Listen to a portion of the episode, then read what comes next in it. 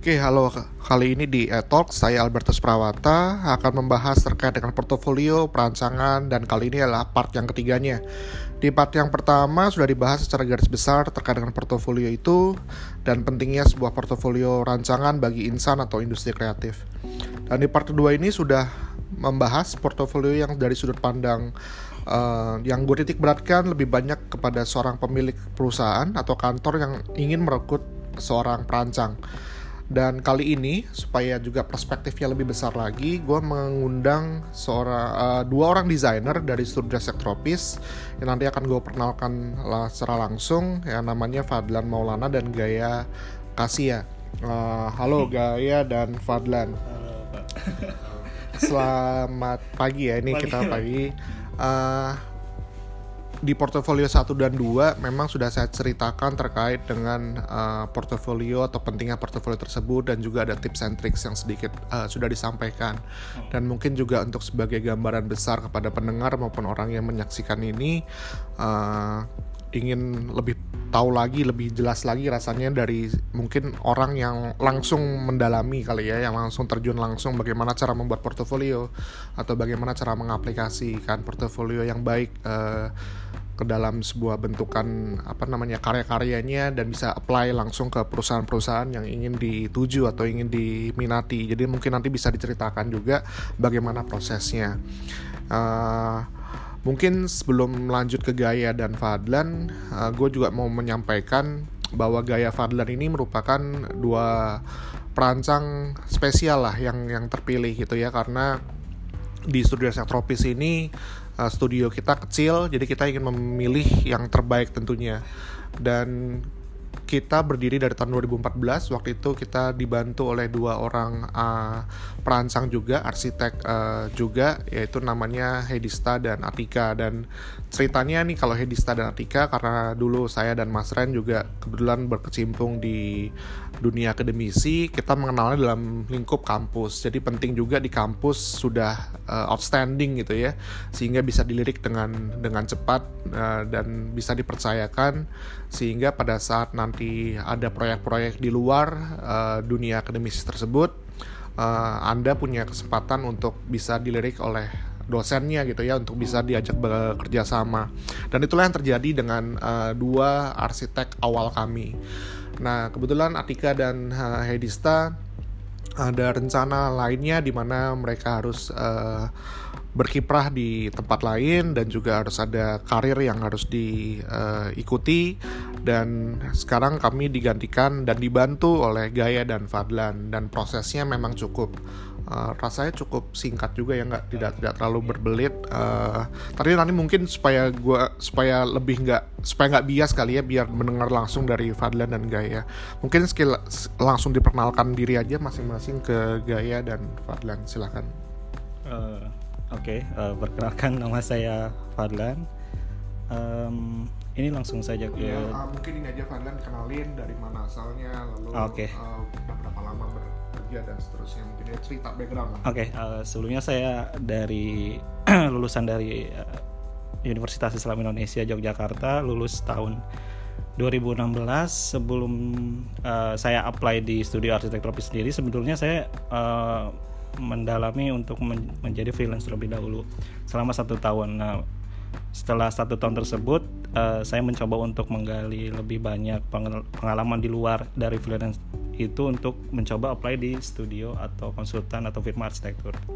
Nah, ceritanya sebenarnya uh, menarik ketika uh, September kurang lebih September 2017 sebetulnya tahu uh, ada lowongan di studio arsitektur itu malah dari storynya Pak Ren sebetulnya yang mana sebetulnya nggak ada uh, pemberitahuan resmi dari Instagram maupun website uh, studio arsitek tentang lowongan kerja di uh, studio studio arsitek ini. Nah maka dari itu sebenarnya saya agak uh, apa ragu sebetulnya untuk apply ke studio arsitek namun untuk mencapai kriteria tersebut sebetulnya CV dan portofolio sudah saya persiapkan terlebih dahulu gitu Pak. Hmm. Oke, okay, uh, eh, itu tadi uh, Fadlan ya, hmm. secara sekilas yeah. bagaimana proses apply di studi tropis. Jadi mungkin sekarang kita ke Gaya. Uh, silakan Gaya bisa ceritakan mungkin backgroundnya uh, dari mana dan bagaimana waktu uh, proses apply ke studi tropis. Uh, halo, uh, saya Gaya. Jadi, ah ya, jadi ceritanya, uh, oh ya sebenarnya uh, saya lulus tahun 2016 dari ITENAS Bandung. Emang dan setelah lulus memang sempat kerja juga kurang lebih dua tahun di di beberapa perusahaan di Bandung juga di firma juga Nah, jadi kurang lebih mungkin uh, setahun lalu ya, mungkin antara Mei atau Juni kalau nggak salah, tahun 2018, 2018, waktu itu memang saya rencana mau, emang ada rencana untuk resign dan emang uh, mau pindah tadinya dari Bandung, mau mencoba uh, apply di firma atau studio arsitektur di Jakarta. Nah, uh, nah sama kayak tadi yang dibilang Fadlan, jadi sebetulnya uh, entah saya terlewat atau gimana tapi memang waktu itu saya nggak uh, saya belum lihat ada apa requirement atau hiring poster dari official Instagram atau website dari SAS sendiri. Jadi memang waktu itu saya tidak menyiapkan uh, khusus buat SAS. Jadi uh, waktu itu saya coba buat CV dan porto untuk beberapa firma. Nah, uh, di suatu saat di suatu siang ketika saya kerja saya lagi istirahat uh, saya belum makan siang nah di sana uh, sekalian nah di sana uh, nggak sengaja waktu itu ketemu Pak Ren sih Cuma saya karena memang tadinya Pak Ren kan public figure gitu ya. Oh, di, iya. di, itu kan di masjid pak. Bukan di dekat kantor, di dekat dekat sekolah Razif. Nah, dia kayak takdir sih sebenarnya. nah jadi uh, waktu saya lihat belakangnya ada baju kan anti lembut lembut club kayak kayaknya kenal nih. Uh, tapi saya belum belum berani negur karena emang ya siapalah saya gitu kan. Terus uh, nah tadinya uh, setelah selesai saya mau keluar tiba-tiba ketemu dengan uh, Bu Iza uh, kebetulan istrinya Pak Aren dan juga memang uh, dosen pembimbing saya waktu tugas akhir. Nah sebenarnya ini juga ada korelasinya dengan yang tadi Pak Berto sampaikan tentang uh, bagaimana sih mahasiswa bisa memberi impresi terhadap uh, katakan dosen atau pembimbing hingga akhirnya menuntun kita ke suatu pekerjaan. Nah walaupun uh, tidak langsung kenal dengan Pak Aren tapi uh, waktu itu akhirnya uh, ngobrol dengan Bu Iza dengan Pak Aren akhirnya diminta masukin CV Uh, tapi tentu sih walaupun misalnya uh, dari rekomendasi tapi kita tetap harus masukin CV dan porto nggak nggak semena-mena kita langsung bisa diterima juga kurang lebih gitu jadi uh, setelah ketemu itu mungkin kayak dua minggu kurang lebih akhirnya ada persiapan untuk nyusun portofolio yang lebih baik dan lebih uh, personal mungkin untuk KSAS dan akhirnya dikirimkan. Oke, okay, itu tadi uh, prosesnya ya, bagaimana uh, melamar di studi tropis. Kita akan kembali sebentar lagi setelah ini.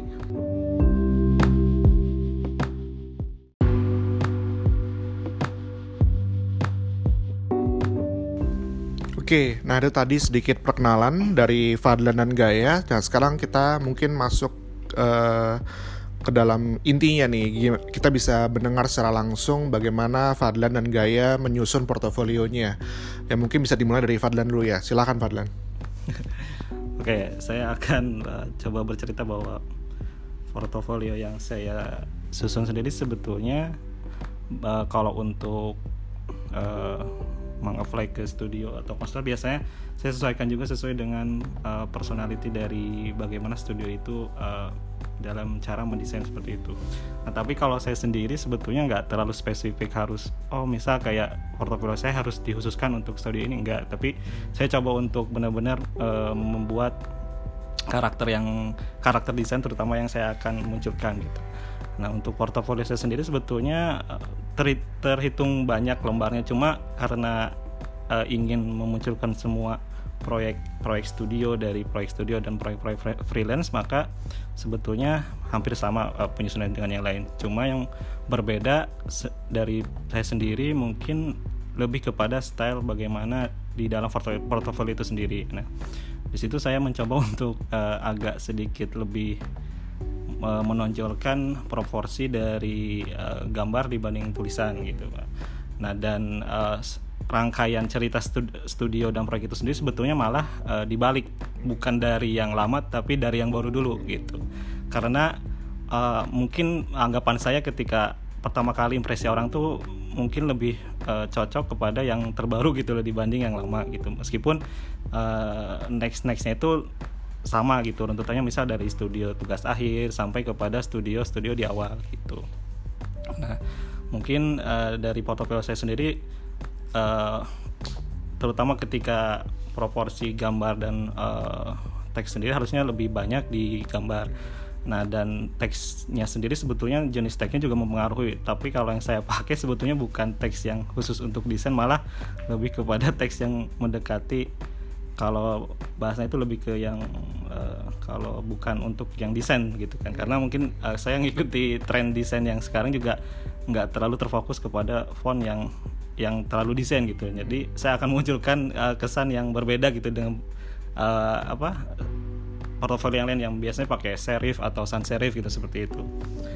Nah uh, meskipun portofolio saya itu uh, mempunyai lembar yang banyak tetapi saya coba susun uh, seperti layaknya bagaimana orang uh, membaca gitu. Jadi uh, runtutannya nggak harus terus me menerus gambar dan tulisan tetapi kadang uh, dalam dalam satu lembar itu hanya gambar saja se sehingga pembaca atau pun nanti yang akan mereview saya tuh nggak akan lelah gitu bahasanya jadi nggak harus menerus gambar tulisan yang penuh gitu dalam satu dalam satu apa layout kertas kayak gitu Nah seperti itu sih masih sama. Mungkin runtutannya pertama mungkin uh, sama cover terus uh, bio kayak gitu CV dan nextnya itu tahapannya lebih kepada studio dulu. Kalau saya yang studio TA baru selanjutnya itu lebih kepada proyek yang freelance dulu. Dan nextnya lebih kepada uh, proyek-proyek yang lebih mengembangkan soft skill dulu di kampus kayak pameran dan lain-lain. Seperti itu yang pernah saya kurasi gitu.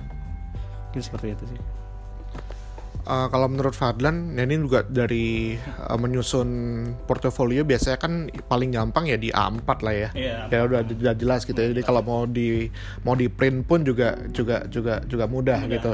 Nah, tadi kalau uh, Fadlan menyusunnya dengan uh, proporsi gambar yang lebih banyak dibandingkan hmm. tulisannya hmm. itu ada gambarannya nggak? Kalau kita bicara A4 100% lalu kadang-kadang kalau bayangan saya sih memang kadang-kadang ada gambar yang bahkan memang 100% 100% nya gambar ya, gitu. ya. Atau adakah uh, tips atau uh, tips lain atau trik kira-kira dalam dalam bagaimana sih nyusun dalam uh, 100% di A4 itu bagaimana gitu? Apa uh, cara mungkin Fadlan uh, stylenya gitu misalnya. Apakah itu satu proporsi komposisi layout ya, ya itu paling ya. satu. Yang kedua ada aspek tadi uh, tulisan dan gambar. Hmm. tentunya pasti tulisan jangan sampai dominan. Terus warna gimana dan seterusnya. Ada nggak dari yang dari dari aspek itu? Uh, strateginya seperti apa? Uh, sebetulnya ada sih. Kalau untuk saya sendiri setiap uh, proyek atau studio itu mungkin di uh, karena kita bicara nanti akan di uh, publish di portfolio online gitu ya semacam isu dan Behance dan lain-lain mungkin di setiap uh, lembar pertama proyek itu ada satu uh, foto apa perspektif yang strike gitu loh yang benar-benar yang menunjukkan bahwa itu desainnya kayak seperti itu gitu. Terus di, uh, kalau punya saya sih dikasih deskripsi dari proyek itu sendiri di bagian bawah sendiri dengan proporsi yang bukan di samping malah di tengah gitu kan. Jadi hang, mungkin halaman pertama untuk setiap proyek itu ada satu gambar uh, yang menjual sendiri dan ada deskripsi. Nah untuk selanjutnya bisa disesuaikan entah itu mungkin hanya uh, gambar saja gitu yang ada deskripsi gambar sendiri atau enggak. Karena uh, kita bicara bahwa A4 itu nanti juga bisa di apa di flip gitu untuk di portofolio online. Jadi bisa digabung gitu. Nggak mesti harus selembar sendiri. Jadi proporsinya jadi langsung A3 gitu pak gitu Oke, terima kasih Fadlan. Nanti sebentar lagi kita akan ke Gaya.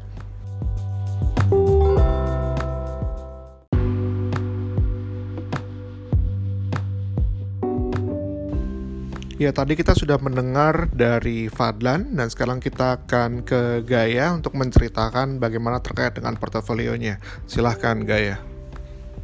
Ya, terima kasih Pak. Jadi mengenai portofolio mungkin yang pertama kita harus pahami tentang ada dua jenis portofolio biasanya ada portofolio sayembara dan portofolio uh, untuk ke uh, apply ke suatu instansi.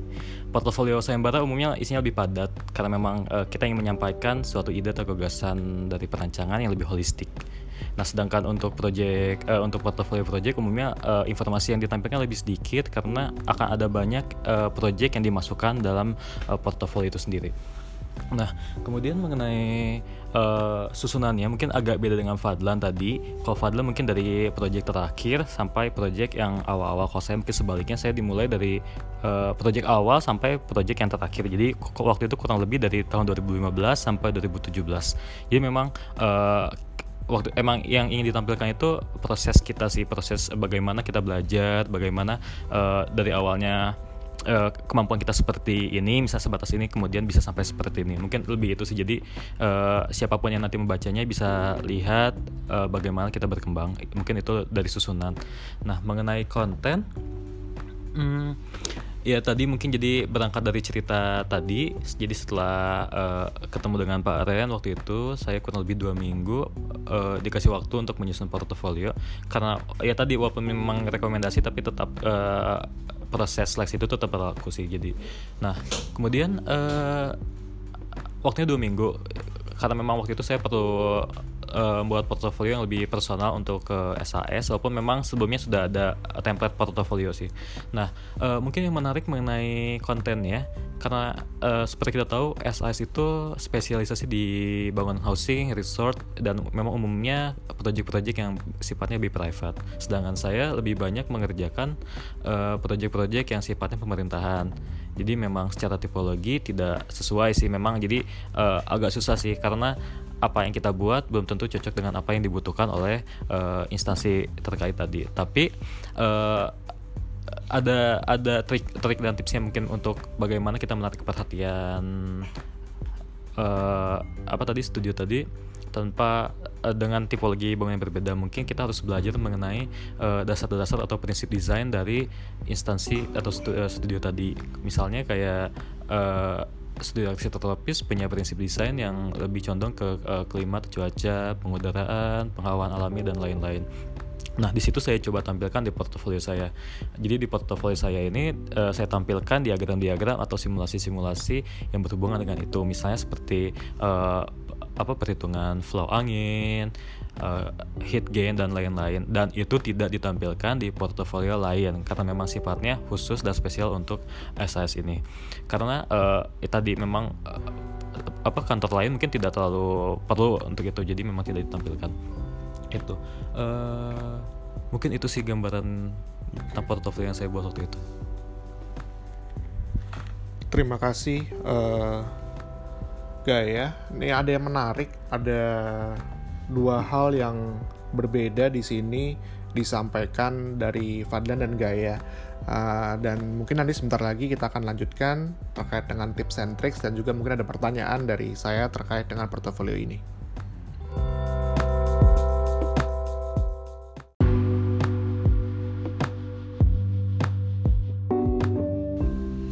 Oke, okay, yaitu tadi deskripsi uh, portofolio dari Fadlan dan Gaya. Nah, sekarang mungkin ada beberapa pertanyaan uh, terkait dengan apa yang sudah disampaikan tadi dari Gaya dan Fadlan. Ini terkait dengan uh, portofolio ataupun juga karya-karya pada saat di studio perancangan arsitektur awal di perancangan 1-2 biasanya di mana tugasnya kan pasti uh, manual atau analog gitu ya. Nah, bagaimana menyajikan karya-karya tersebut dalam portofolio akhir Anda? Nah, itu mungkin bisa di-share gitu. Nah, silakan mungkin Fadlan atau Gaya. Oke. Oke, mengenai sketsa uh, sebenarnya itu balik lagi mungkin kembali lagi ke personal kita kalau memang uh, kita cukup percaya diri, yakin dengan sketsa kita, menurut saya tampilkan saja gitu. Asal konsis konsisten di setiap proyek ditampilkan. Jadi jangan cuman di proyek awal tapi eh, ditampilkan tapi di proyek akhir tidak ditampilkan karena memang yang dihindari itu ketidakkonsistenan itu sih mungkin uh, dari segi penyajian. Tapi kalau memang uh, cukup yakin, cukup percaya diri dan itu sebenarnya bisa menjadi value atau misalnya jadi selling point kalian sih sebetulnya mengenai sketsa. Nah, tapi kalau misalnya kasusnya kalian tidak terlalu percaya diri dengan sketsa kalian misal kayak uh, apa nih gitu gambarnya kayak gini banget sih nah uh, sebab uh, mungkin lebih baik untuk dibuat digital tapi uh, walaupun dibuat digital sebenarnya dari studio arsitek sendiri uh, tidak tidak benar-benar menuntut visualisasi yang realis atau yang nyata. Karena memang uh, yang dibutuhkan itu uh, junior arsitek bukan visualisasi atau 3D artist 3D artist jadi memang kita tidak menuntut visualisasi yang wah gitu yang fabulous gitu gitu gitu. Enggak tapi selama itu menarik uh, bisa di, bisa bisa menyampaikan ide dan gagasan perancangan uh, yang dibuat dengan dengan dengan baik itu sebaik itu udah cukup sih. Jadi nggak perlu terlalu banyak apa Vita gitu-gitu mungkin cukup di Photoshop lagian sekarang stylenya memang kayak gitu ya okay. lebih banyak style dari yang dua dimensi hmm. cukup estetik tapi sebenarnya dari uh, apa uh, penggunaan waktu juga tidak terlalu banyak makan waktu sih itu mungkin oke okay. jadi sebetulnya kombinasi ya kalau yang saya lihat sebetulnya kita juga jangan sampai pasrah aja dengan hasil at it, at, at it is gitu ya. Jadi misalnya kita bisa scan gambar, kita bisa mungkin foto maket, lalu tapi juga mungkin di ditambahkan di Photoshop, di edit, di detail dan segala macam ya. Sekali tampilannya pun juga bisa menjadi semakin lebih menarik. Ini juga ada satu hal lagi yang mungkin jadi pengalaman saya juga.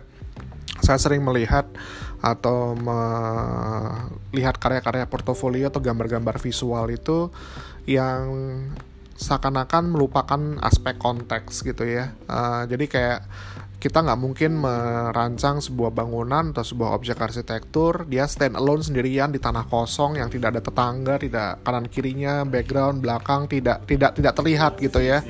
Suasananya tidak ada lah, gitu. jadi tidak tidak mencerminkan konteks tempat di mana si objek ini uh, berada atau ditujukan. Dan menurut saya itu suatu hal yang sangat-sangat tidak appropriate gitu ya karena kita berkecimpung dalam uh, sifatnya kontekstual ini. Nah itu gimana? Saya juga nggak apal nih ke portofolio Fadlan dan gaya seperti apa dulu gitu ya. Cuma rasanya ini penting nggak sih bagi kita untuk bisa menunjukkan konteks itu? Mungkin Fadlan dulu ya. Okay. Eh, terkait konteks, jadi mungkin di ranah kita arsitektur itu kan lebih ke lingkungan binaannya. Jadi konteks itu sangat penting. Nah, terutama mungkin kalau kasusnya di uh, proyek atau portofolio yang saya sajikan uh, ada beberapa terkait mungkin proyek freelance saya yang uh, rumah tinggal itu perlu sekali gitu untuk menunjukkan uh, skala bangunan atau tetangga-tetangganya gitu karena uh, menunjukkan proporsi bangunan kita itu ada di lingkungan tersebut gitu Nah, berbeda ketika konteksnya kalau bicara tentang portofolio saya di Studio 4 yang berbicara tentang uh, boarding house atau student housing gitu. Karena ini konteksnya untuk uh, mahasiswa, jadi di portofolio saya disajikan bahwa si site tersebut ada di dalam morfologi urban gitu. Jadi uh, site yang saya pilih itu mungkin di di morfologi saya itu saya tunjukkan bahwa posisi uh, set saya itu berdekatan dengan kampus-kampus yang benar-benar ada mahasiswa yang akan tinggal di student housing tersebut kayak gitu. Yeah. Oke, mungkin uh, garis besarnya tadi sudah disampaikan oleh Fadlan.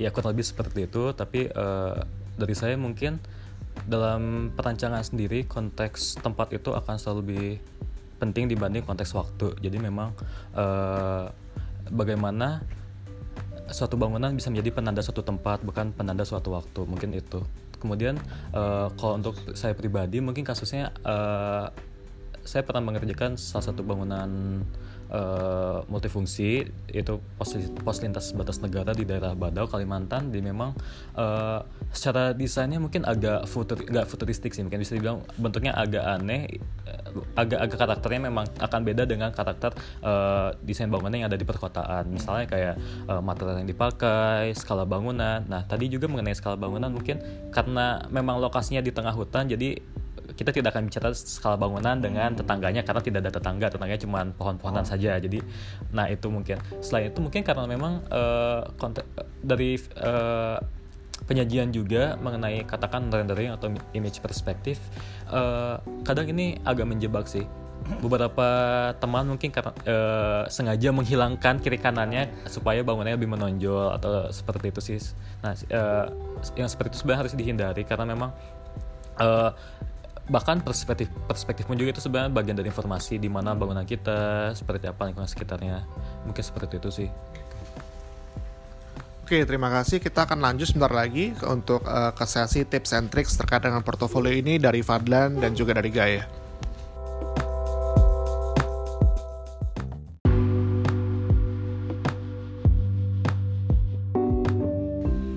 Oke, sekarang mungkin supaya afdol juga uh, kita akan dengarkan tips and tricks dari Fadlan dan Gaya.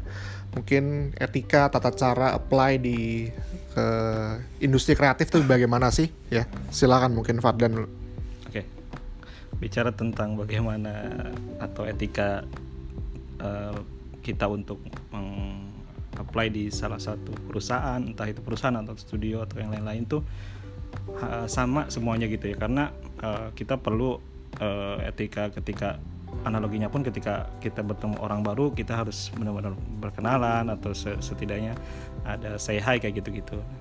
Mungkin kalau secara teknis untuk kita ngeplay ke studio atau perusahaan itu penting banget untuk uh, memasukkan yang namanya cover letter kayak itu nggak jadi cover letter pun di buat jangan dibuat lampiran sebetulnya. Malah lebih baik tuh karena harusnya itu harus di body emailnya sendiri gitu. Dengan lengkap dengan subjek dan uh, tujuan email perusahaan yang harusnya setiap cover letter itu berbeda gitu karena di dalam cover letter itu sendiri kita uh, memperkenalkan diri kita seperti apa lulusan dari mana terus uh, setahun terakhir kita ngapain dan bagaimana kita tertarik untuk apply ke studio tersebut. Nah, baru yang tadi yang kita bahas sebelumnya tentang CV dan portofolio yang seharusnya sih sebenarnya jangan terlalu besar juga terkait size ya. Mungkin ya, karena setiap HRD itu juga ataupun setiap HRD perusahaan itu punya waktu yang terbatas, biasanya kan lebih enak membukanya di HP kayak gitu loh Pak. Jadi ha, juga sistem juga yang mungkin ya kita biasanya juga jangan lebih dari 5 megabyte gitu ya untuk portofolio seperti itu sih gitu. Kayak gimana? Oke, okay, uh, eh, mungkin pertama menyambung dari tadi mengenai ukuran, uh, karena memang beberapa apalagi ketika kita bicara tentang perusahaan instansi yang sudah besar, mereka biasanya punya sistem khusus. Jadi yeah. ketika ada email uh, yang terlalu besar, malah mungkin ada kemungkinan di direct ke spam gitu. Jadi uh, malah boro-boro gitu portofolio dibaca, emailnya juga nggak masuk gitu. Jadi memang uh, tolong itu ketika di memang uh, diminta untuk mengirim portofolio dengan ukuran tertentu diusahakan mungkin uh, mengikuti ketentuan itu karena itu bukan tanpa sebab juga sebetulnya. Nah, kemudian mengenai uh, attitude mungkin atau tips tips dan trik ketika apply uh, ketika kita berencana untuk uh, apply ke beberapa tempat usahakan satu email satu email ya itu hmm. tapi mungkin lebih ke waktunya mungkin. Jadi hmm. jangan kalian atau teman-teman jadi kirim uh, email 10 tempat di hari yang sama itu sebab itu sangat tidak bijak ya, sebenarnya karena kita kita nggak tahu gitu kapan akan dibalas juga ya, dengan kayak gitu. Jadi memang uh, lebih ke waktu sih. Hmm jangan jangan terburu-buru ketika kalian mau apply ke suatu perusahaan kalian butuh waktu untuk menyusun portofolionya karena itu uh, hal yang tidak mudah. Meng uh, eh, menggabungkan beberapa tahun kalian berkarya ke dalam beberapa lembar saja dengan dengan penyajian yang baik. Informatif itu bukan sesuatu yang mudah. Jadi memang kita butuh waktu untuk menyusun portofolio itu. Dan juga kita butuh waktu dan kesabaran ketika kita apply ke perusahaan itu. Uh, misalnya waktu itu saya uh, dalam seminggu saya cuman uh, apply ke tiga perusahaan dengan selang waktu misalnya dua hari. Karena uh, saya tidak mau uh, satu saat nanti perusahaan-perusahaan ini tuh membalas. semua. dan saya jadi bingung gitu. Jadi memang uh, saya ngasih waktu jeda. iya skala prioritas juga sih. Uh, perusahaan mana yang memang kalian ingin banget untuk masuk ke sana baru nanti kalian sortir saja. Nah tapi usahakan tidak berbarengan. Jadi kalian bisa mengambil keputusan kalian punya waktu untuk berpikir mana yang lebih baik untuk kalian sesuai juga. Ya jadi memang itu sih. Mungkin ya kalau memang kalian serius dan memang itu kalian butuh waktu sih. Hmm. itu mungkin tips oke terima kasih Gaya Fadlan. Jadi uh, basicnya intinya kita nggak akan dikenal atau kita nggak akan dilihat kalau tiba-tiba kita langsung istilahnya langsung show gitu ya. Tapi kenalan tuh penting ya menamakan halo selamat siang selamat pagi judul email body email jangan sampai kosong tiba-tiba. Ya gimana kita mau download atau kita mau klik kalau kita nggak tahu ini tujuan emailnya apa nggak ada judul emailnya body emailnya kosong dan seterusnya. Jadi tuh menurut saya juga itu menjadi satu patokan kriteria pertama gitu ya sebelum kita membuka si portofolionya gitu ya jadi itu itu etika lah ya, ya kita uh, dan kalau dari CV portofolio contoh-contoh uh, saya rasa banyak sekali hmm. ya jadi tinggal ngelihat uh, googling atau lihat di mana aja, lihat di YouTube cara menyusun portofolio, cara TV, cara lain bisa dilihat dari sana. Gitu ya kali ya. Iya. Oke.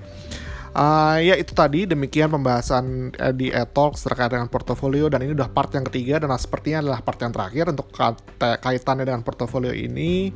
Semoga bisa memberikan informasi bagi teman-teman yang sedang mempersiapkan portofolionya. Sampai jumpa lagi di e-talks dengan topik-topik lainnya. Have a great day. Thank you Fadlan dan Gaya. Sama-sama.